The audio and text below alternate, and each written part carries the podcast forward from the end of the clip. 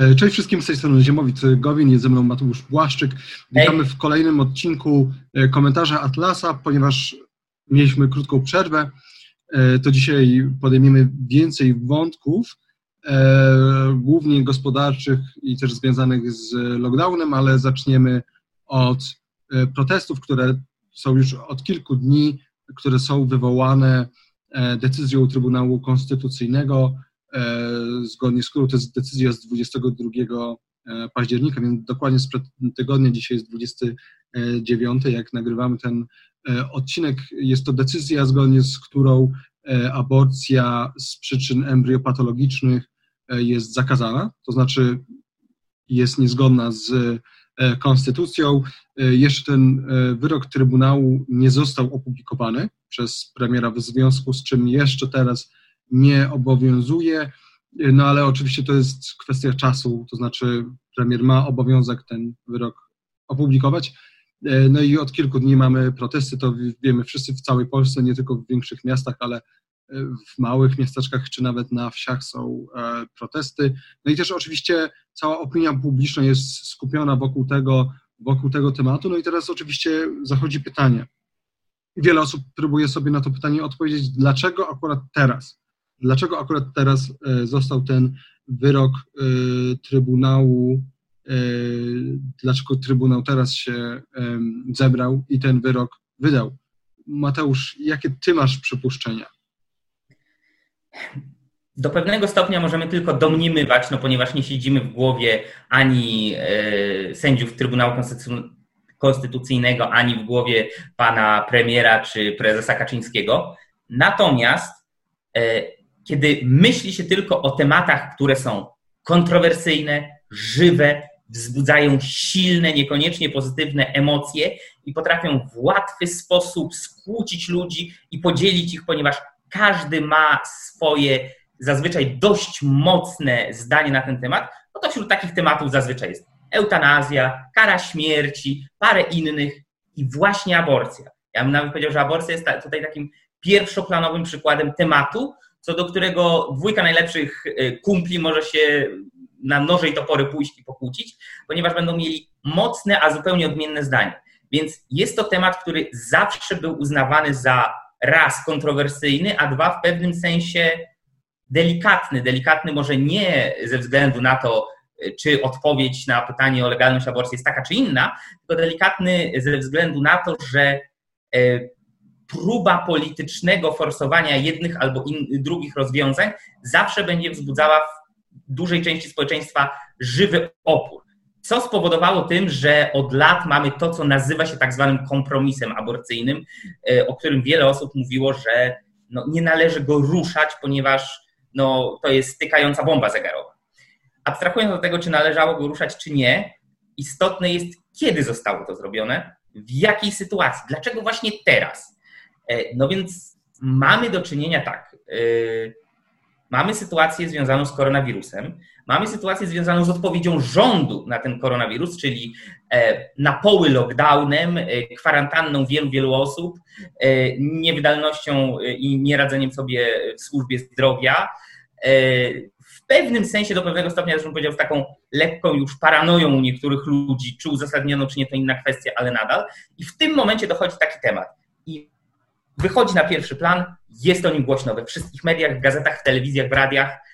E, gdzie się człowiek nie obejrzy, e, widzi ludzi opowiadających się po stronie protestujących e, kobiet, czy popierających te kobiety, albo przeciwko nim. Jest to no, cały czas na wokandzie. A tymczasem, borem lasem, mamy do czynienia z innymi bardzo, bardzo ważnymi zdarzeniami, bardzo, bardzo ważnymi zmianami prawnymi także, i rzeczami, które rząd no, troszeczkę przykrył y, tematem związanym z aborcją i protestami. Y, I teraz pytanie, czy zrobił to celowo, czy nie?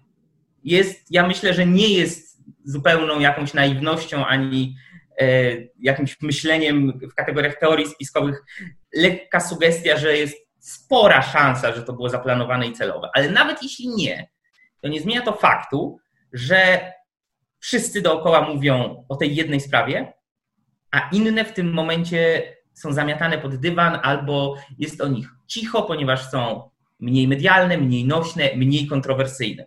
I, I, myślę, że to jest coś, czym no, ty i ja dzisiaj powinniśmy się tutaj zająć.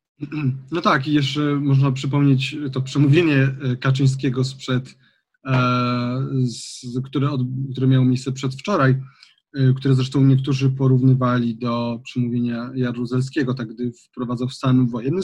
Zresztą przyznam, że ja też miałem takie e, skojarzenie, w którym Kaczyński sobie przeczy, bo z jednej strony zarzuca opozycji, lewicy, platformie, że ludzi nawołują ludzi, żeby wychodzili na ulicę, a sam w tym przemówieniu nawołuje drugą stronę, żeby wychodziła i broniła, i broniła e, polskości e, kościołów.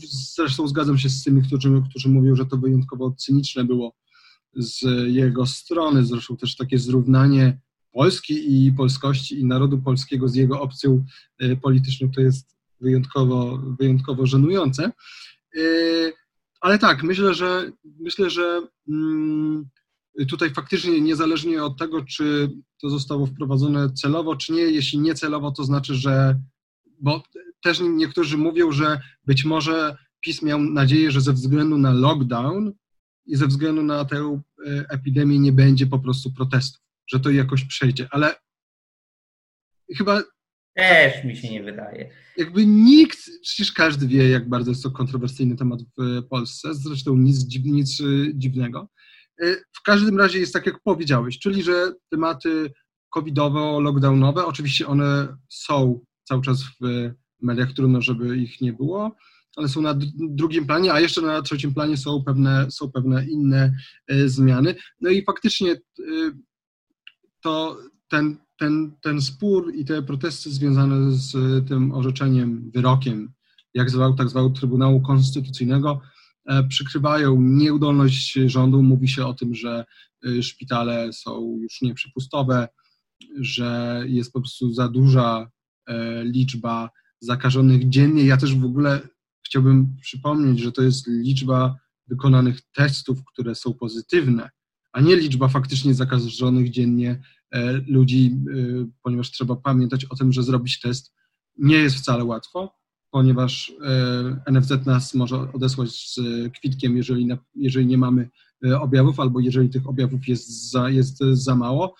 Wiemy też, że ludzie muszą czekać po kilka dni na test, czasami nawet tydzień, więc też ta liczba jest tak naprawdę o wiele, o wiele większa. Warto, warto tutaj też jeszcze tylko, jeśli mogę dodać, mm warto zauważyć, że to jest jedna strona medalu, ale jest jeszcze druga strona medalu, czyli wszyscy ludzie, którzy e, potrzebują skorzystać z, ze służby zdrowia, a nie są w grupie covidowej, tak, czyli nie są chorymi czy z podejrzeniem o koronawirusa, tylko mają intensywne terapie, e, zdarzył się wypadek, pochorowali się na cokolwiek innego i tak dalej, i tak dalej. I no jakby no, z przykrością na przykład mogę powiedzieć, przypadek z mojego bliskiego otoczenia, kiedy, e, kiedy pewien starszy, nie tak bardzo starszy, ale pewien mężczyzna, e, została do niego wezwana karetka, został wzięty do tej karetki, ponieważ miał no, podejrzenie zawału serca i ta karetka jeździła 6 godzin i żaden szpital nie chciał przyjąć pacjenta, ponieważ były albo jednoimienne, czyli przerobione na stricte związany z koronawirusem albo z powodu innych restrykcji i pacjent zmarł w karetce po prostu jeżdżąc od Annasza do Kajfasza po różnych szpitalach.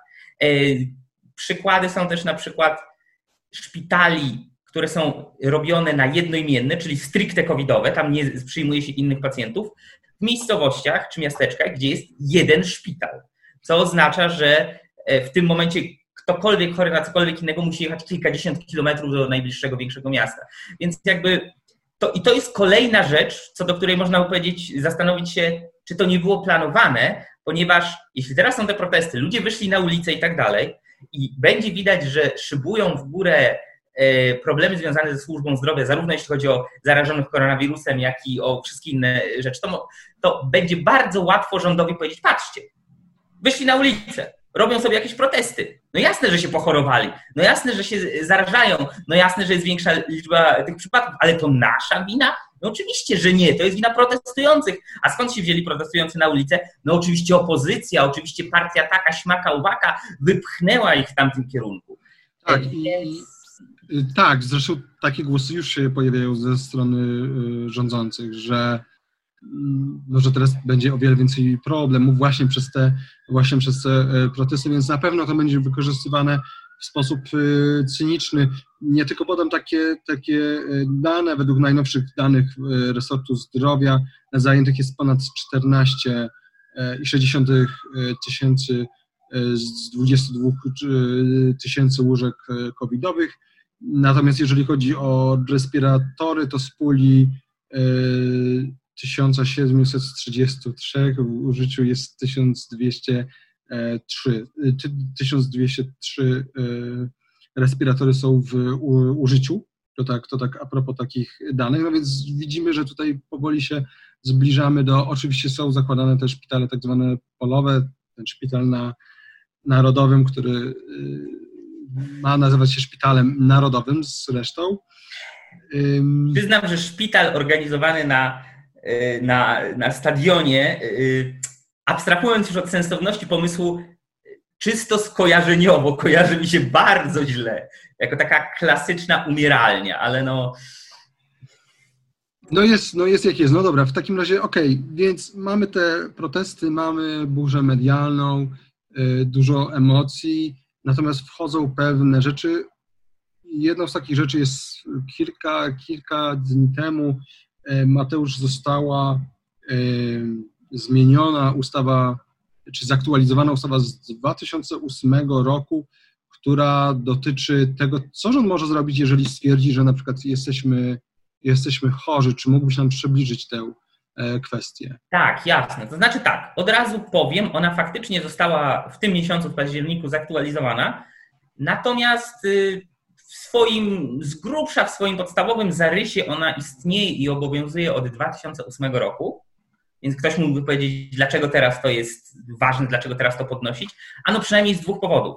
Pierwszy powód to taki, że dopóki nie ma ogłoszonej epidemii, to tego typu ustawy są martwe, one gdzieś tam sobie leżą i czekają, ale no, rzadko kiedy ktoś się nimi e, zajmuje, ponieważ mm, tego typu sytuacje epidemiczne są sytuacjami nadzwyczajnymi, więc mało kto się zastanawia, o, czy, czy, czy tutaj są e, zastosowane dobre środki prawne, złe, czy władza ma odpowiednią ilość nadanych jej kompetencji w tej kwestii, czy za mało, czy za dużo i tak dalej. To jest jedna rzecz. A druga rzecz to jest kwestia tego, co jest uznawane tak naprawdę za epidemię i co jest uznawane za tę chorobę szczególnie niebezpieczną. Sam zapis prawny jest cokolwiek e, niejednoznaczny, delikatnie rzecz ujmując. Zaraz, zaraz przeczytam o co chodzi dokładnie. E, natomiast WHO, e, Światowa Organizacja Zdrowia, e, po pierwsze nie ma bardzo ścisłej i precyzyjnej definicji tego, co jest epidemią, co nie jest, e, a bardzo często właśnie do instancji takich jak WHO później odwołują się czy to e, prawnicy, czy politycy, kiedy próbują ustalić, czy ok, czy to się wpisuje w tę ustawę, no bo wiadomo, twórcy prawa zazwyczaj nie są jednocześnie lekarzami, epidemiologami i tak dalej, a raczej prawie nigdy nie są. Więc jest to istotne, co tego typu organizacje mają do powiedzenia na ten temat. Więc po pierwsze, WHO nie ma bardzo sprecyzowanej definicji, po drugie, nawet w ramach tego, co mówi o epidemii, to w okolicach 2009 roku zmieniła jedno z ważniejszych kryteriów, czyli wcześniej y, tego typu choroby były chorobami, które miało, miały bar, niosły ze sobą bardzo duże zagrożenie życia lub zdrowia. Czyli mówiąc krótko, była wysoka śmiertelność. Później zostało to zmienione na szybkie rozprzestrzenianie się, nawet jeśli y, śmiertelność jest znacznie, znacznie niższa. Czyli na przykład e, jak przy COVID-zie. Jak przy covid tak, więc jakby można powiedzieć, że zostało to, przekładając to z polskiego na nasze, zostało to zmienione z przypadków takich jak epidemia wirusa eboli do przypadków takich jak COVID, czy nawet jakaś inny typ grypy. No ale żeby nie być gołosłownym, e, to powiem tak, to jest ustawa o, gdyby ktoś, ustawa o zapobieganiu oraz zwalczaniu zakażeń i chorób zakaźnych u ludzi, E, ja podaję stan prawny aktualny na dzień, bo wtedy sprawdziłem 23 października bieżącego roku. To jest dziennik ustaw 2020.0.1845, jeśli ktoś byłby ciekaw. Więc artykuł 36 stanowi, wobec osoby, która. Artykuł 36, sam początek jakby ktoś szukał. Wobec osoby, która nie poddaje się obowiązkowi szczepienia, badaniom sanitarno-epidemiologicznym, zabiegom sanitarnym, kwarantannie lub izolacji e, obowiązkowej hospitalizacji, o której podejrzewa się lub rozpozna chorobę szczególnie niebezpieczną i wysoce zakaźną, nie ma wyjaśnienia, jak jest to zdefiniowane, stanowiącą bezpośrednie zagrożenia e, dla zdrowia e, lub życia innych osób, znów, czy przyjmujemy kryteria takie jak WHO, czy jakie. I teraz, może być zastosowany środek przymusu bezpośredniego polegający na przytrzymywaniu, unieruchomieniu i przymusowym podawaniu leków. Dalej, w kolejnym podpunkcie. O zastosowaniu środka przymusu bezpośredniego decyduje lekarz lub felczer. Czyli mówiąc krótko, e, w tej sytuacji każdy lekarz staje się e, funkcjonariuszem aparatu państwa, który ma prawo albo sam, albo e, przy, a zwłaszcza przy asyście policji czy innej tego typu służby mundurowej, powiedzieć tego pana proszę na glebę i tak dalej. No, ja nie chcę tu wyolbrzymiać, ale no, jest ja się poważnie zastanawiam na przykład, nie będzie pod to podpadał, zgodnie z dość powszechną interpretacją, po prostu człowiek, który nie ma maseczki w danym momencie. Tak? Jest gdzieś nawet na środku ulicy, nikogo wokół niego nie ma, ale nie ma maseczki wobec czego po pierwsze jest to wbrew rozporządzeniu, a po drugie no, lekarz czy felczer może powiedzieć, proszę bardzo, tego pana e, proszę wziąć za, za kark. Chodzi o to, że daje to niesamowite, niesamowite po prostu możliwości nadinterpretacji i nadużywania. E, I dalej. Lekarz lub felczer może zwrócić się do policji, straży granicznej lub żandarmerii wojskowej o pomoc w zastosowaniu środka przymusu bezpośredniego E, no i tu jest parę takich uszczegółowień, ale ostatni podpunkt. Przymusowe podanie leku jest doraźnym lub przewidzianym w planie postępowania leczniczego wprowadzeniem leków do organizmu osoby bez jej zgody. Czyli nie chodzi nawet o to, że osoba, która e, zostałaby no, wytypowana na taką niebezpieczną, zostaje odprowadzana na przymusową kwarantannę, co można się zastanawiać, ale jeszcze bardziej jakoś byłoby do ok, on chodzi, roznosi wirusa, nie chce być na kwarantannie, można go wziąć i, i ten. Nie, ta osoba jest y, no, w tym zakresie ubezwłasnowolniona, że nie ma żadnego prawa głosu ani sprzeciwu, jeśli chodzi o aplikowane jej substancje, tak? Y, co więcej, nie, niekoniecznie jest tu brane pod uwagę stan jej zdrowia, pozostałe schorzenia, uczulenia. Wszystko jest, wszystko leży w gestii lekarza. Tak. Jakby lekarz tutaj jest tak. sędzią i, yy, i, tym, który, i tym, który zleca wyrok. Tak, lekarz jest arbitrem, lekarz jest decydentem, policjant jest tutaj podwykonawcą, jakby. Natomiast biorąc pod uwagę, że inną ustawą, która w tej chwili właśnie nie jestem pewien, czy jest przegłosowywana, czy już weszła w życie. Wydaje mi się, że jeszcze nie weszła, ale popraw mnie, jeśli może, może wiesz lepiej. Jest zniesienie odpowiedzialności e, lekarzy za tak zwany błąd w sztuce lekarskiej w przypadku, e, w przypadku leczenia pacjentów z COVID-em, czyli de facto no,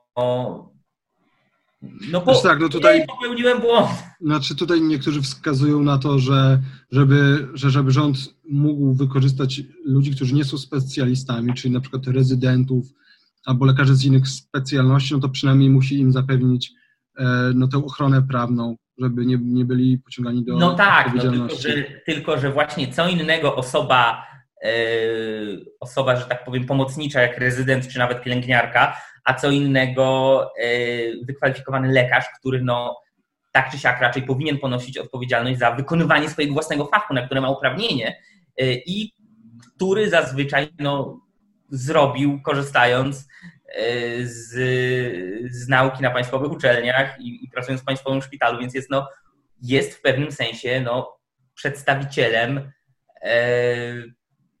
no, aparatu państwa w tym sensie, tak? Więc tutaj znoszenie tej osoby... Zwłaszcza jeżeli będzie mógł mówić, kogo, kogo tak. trzeba szczepić, a kogo nie. Tak, no także połączenie tego artykułu, o którym e, przed chwilą mówiliśmy, czyli ustawy o zapobieganiu oraz zwalczaniu zakażeń i chorób zakaźnych, razem z, z tym proponowanym, bo wydaje mi się, że jeszcze nie przegłosowanym, proponowanym zniesieniem odpowiedzialności, no, rysuje pewną niepokojącą perspektywę. Tak, ale no, no to jest jedna rzecz. Wiadomo, że, że na tym się kwestie tego, co w tej chwili albo może być zastosowane, albo właśnie jest przegłosowywane, nie kończy. Tak, to znaczy ja też akurat myślę, że jakoś pewnie to nie byłoby szczególnie wykorzystywane przez lekarzy. Trochę, troszeczkę nie widzę, jakby to miało w praktyce działać, ale oczywiście sam fakt, że takie zapisy się e, pojawiają, no jest jakby pokazuje troszeczkę, że prawo może iść w niedobre strony, jeżeli chodzi o takie rzeczy. Natomiast e, chciałbym, żebyśmy teraz przeszli do tematu lockdownu, bo i, tu wydaje mi się, że kwestia nie jest aż taka prosta, ponieważ nie, niektórzy wskazują na to, że no to tak naprawdę jeszcze lockdownu nie ma. Tak? E, premier Morawiecki mówi, że on mówił już od jakiegoś czasu, że oni chcą iść drogą środka, czyli trochę lockdown, a trochę nie. I niektórzy nazywają to tak zwanym pełzającym lockdownem, czyli taką kumulacją, że te ograniczenia, że te restrykcje się kumulują i jest ich, co, jest ich coraz e, więcej. Zresztą rząd był słusznie krytykowany za to, że między innymi zaczął od branży fitness i siłowni, co do których wynika jasno z, ze statystyk, że e, prawie w ogóle tam nie ma żadnych, żadnych zakażeń. Jako kontrprzykład można podać e, kluby sportów walki, które wyglądają zupełnie inaczej niż siłownie i gdzie faktycznie zarazić jest o wiele trudniej, przepraszam, o wiele, o wiele łatwiej niż na y, siłowniach. Nie, niedawno e, zostały te restrykcje wprowadzone, e, jeżeli chodzi o gastronomię i o bary, o puby. E, zresztą były i są protesty w związku z tym, natomiast to, na co, nie, to, na co niektórzy wskazują, wskazują uwagę, to to, że że tak naprawdę rząd tutaj popełnia błąd, ponieważ tak naprawdę to ani nie jest lockdown i to nie pomoże nam e, właśnie spłaszczyć e, krzywej. Ani nie jest wariant szwedzki. Ani nie jest, ani nie jest to wariant e, szwedzki. I, I niektórzy wskazują na to, że tak naprawdę ten pełzający lockdown, czyli taki roz, rozciągnięty w czasie, będzie gorszy dla gospodarki niż gdyby wprowadzono lockdown na powiedzmy dwa tygodnie czy na, czy na miesiąc taki faktycznie pełny, nad którym zresztą rząd i tak się zastanawia. Tutaj mam e, informację z, z godziny 12.32. W wywiadzie dla Wirtualnej Polski profesor Andrzej Horban, główny doradca premiera do spraw epidemii, to jest chyba ten geniusz, który doradził premierowi, żeby zamknąć e, siłownię i kluby fitness, potwierdził, że nowy lockdown wiązałby się m.in. z zamknięciem szkół i punktów usługowych oraz z proszeniem Polaków o jak najrzadsze wychodzenie z domów. I tutaj cytat z niego, to jest powtórka z rozrywki, czyli z wiosny. Jeżeli to zadziałało na wiosnę, to również powinno zadziałać na jesieni. To jest bardzo brutalne działanie, to jest ostateczność. I jakby gdy, w sensie tutaj widać absolutny brak jakiegokolwiek przygotowania, E, zwłaszcza, że to jest troszeczkę tak, że oni wyszli z jakąś narracją i tą narracją jest pójście drogą środka. Widać, że to nie działa, jeżeli chodzi o liczbę, liczbę dzienną e, zachorowań i o przepustowość e, szpitali. No i więc in, jakby tylko przedłużają ten moment, kiedy w końcu stwierdzą, że będzie ten pełny lockdown, a przypomnijmy, że cmentarze 1 listopada nie będą zamknięte, E, tylko się prosi, tak samo jak rząd prosi starsze osoby, żeby nie wychodziły z domu, równocześnie e, wprowadzając e, godziny dla seniorów, jeżeli chodzi o tak. sklepy i tak dalej. I to wszystko to w ogóle jest, się nie to klei. To jest drogą absurdalne proszenie. Rząd, rząd, to jest, rząd to jest pięść, rząd to jest spluwa, rząd to jest siła. Rząd nie prosi, rząd powinien używać siły tam, gdzie jest to potrzebne, no czyli generalnie, żeby bronić ludzi, ich praw, przynajmniej naszym zdaniem, ale y, chciałem zwrócić uwagę na to, że to jest wszystko na wariackich papierach jeszcze do, dlatego, że tak, część rzeczy jest wdrażana w drodze rozporządzeń. Część rzeczy jest procedowana normalnie jako ustawy. Część rzeczy to są po prostu wypowiedzi i opinie polityków, które się pojawiają w mediach albo na Twitterze i niektórzy, włącznie z policjantami, yy, zastanawiają się, czy to jest, yy, czy to jest coś, co powinni pod przymusem pałki wprowadzać rzeczy, nie, a inne rzeczy są prośbami, a potem okazuje się, że one nie są prośbami, bo tak jak wspomniałeś o tych kwestiach seniorów, tak, Mateusz Marowiecki powiedział, że seniorzy są proszeni o, o to, żeby no, nie chodzić za bardzo, nie wychodzić i tak dalej. Nie. Okazuje się, później się okazało, że owszem, jest taki zapis, zapis prawny, który od, od, od, od, od poniedziałku czy od wtorku, teraz dopiero co, tak naprawdę ustanawia godziny wyjścia dla seniorów, czyli są godziny faktycznie, kiedy oni nie mogą wychodzić, powyżej bodajże 65 roku życia. I co więcej, y, są przecież też godziny, y, kiedy nie można wychodzić bez opieki rodzica, y, ma, kiedy ma się do 16 lat, tak? No, rzekomo, żeby dzieci nie wychodziły w czasie godzin lekcyjnych, no bo powinny ślęczyć przed tym Zoomem, czy Skype'em, czy czymkolwiek innym przed swoim komputerem. Online oczywiście. E, e, więc... Co e, Mateusz, mógłbyś powtórzyć ostatnie zdanie, bo cię przerwało. Jasne. Nie, mówię, że jest to o tyle absurdalne, że uzasadnieniem tych godzin dla dzieci, dla młodzieży do 16 roku życia, że tam do 15 czy 16 nie wolno im wychodzić bez opieki kogoś starszego, no jest to, żeby dzieci nie uciekały ze szkoły, w cudzysłowie, czyli nie uciekały sprzed Skype'a, Zooma, czy na czym tam mają obecnie zajęcia, bo wiadomo, że zajęcia odbywają się normalnie, o czym e, możemy powiedzieć chociażby dlatego, że odbywają się nawet zajęcia WF przez Zoom. e, i cała masa innych tego typu parodystycznych rzeczy, sprawdzianych, e, kiedy ktoś sobie zakrywa kamerkę albo sprawdza odpowiedzi na komórce i tak dalej. No, no, długo można by się rozwodzić nad absurdem tego, ale Dodatkowo jeszcze wprowadzenie tutaj, rozumiem, że jak ktoś ma lat nie 16, tylko 15, lekcje mu się skończą o drugiej i będzie chciał wyjść swoim starszym dziadkom, na przykład z którymi mieszka, albo komukolwiek innemu, pójść coś kupić do sklepu, żeby załatwić to, ponieważ on mniej jest narażony na wirusa niż y, ci starsi dziadkowie, to już mu nie będzie wolno.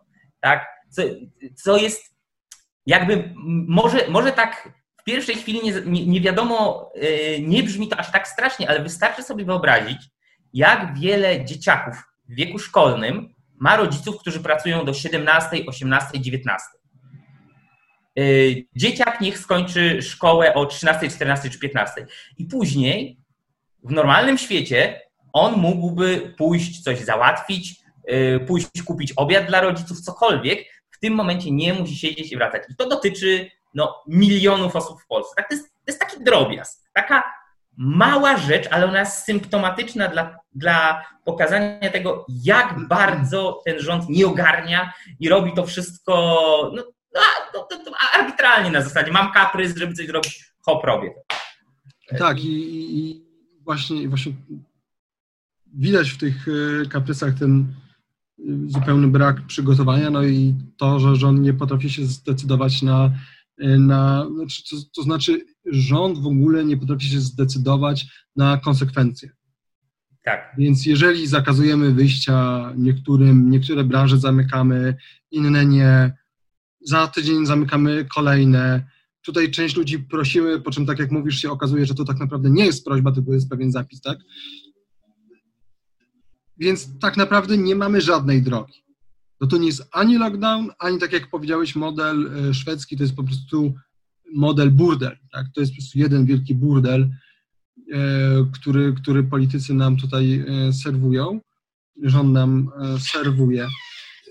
No dobra, czy coś jeszcze chcemy powiedzieć a propos, a propos, tych, a propos tych lockdownów, no bo się mówi, że jeżeli teraz się nie spłaszy tej, tej krzywej, tak, to znaczy chodzi po prostu o to, żeby zbyt duża liczba ludzi nie musiała być w szpitalu równocześnie, no to po prostu jakby szpitale, to znaczy Polska Służba Zdrowia padnie. W takim sensie, że po prostu część ludzi nie będzie leczona. Więc tu chodzi o to, żeby była ta przepustowość, tak? Mm, no i zobaczymy, co rząd z tym zrobić, w końcu wprowadzi ten lockdown, no ale też pytanie, czy bo są już takie głosy z dzisiaj, że to już jest kwestia dwóch na przykład dni, żeby niektóre szpitale padły. Więc, e, no więc pytanie, czy to już nie będzie, czy to już nie będzie za późno. No dobra, okej, okay, to... Te... No nie możemy powiedzieć, że tym optymistycznym akcentem. Nie, nie. Przechodzimy do... Tak, myślę, że przejdziemy do tematów gospodarczych. Także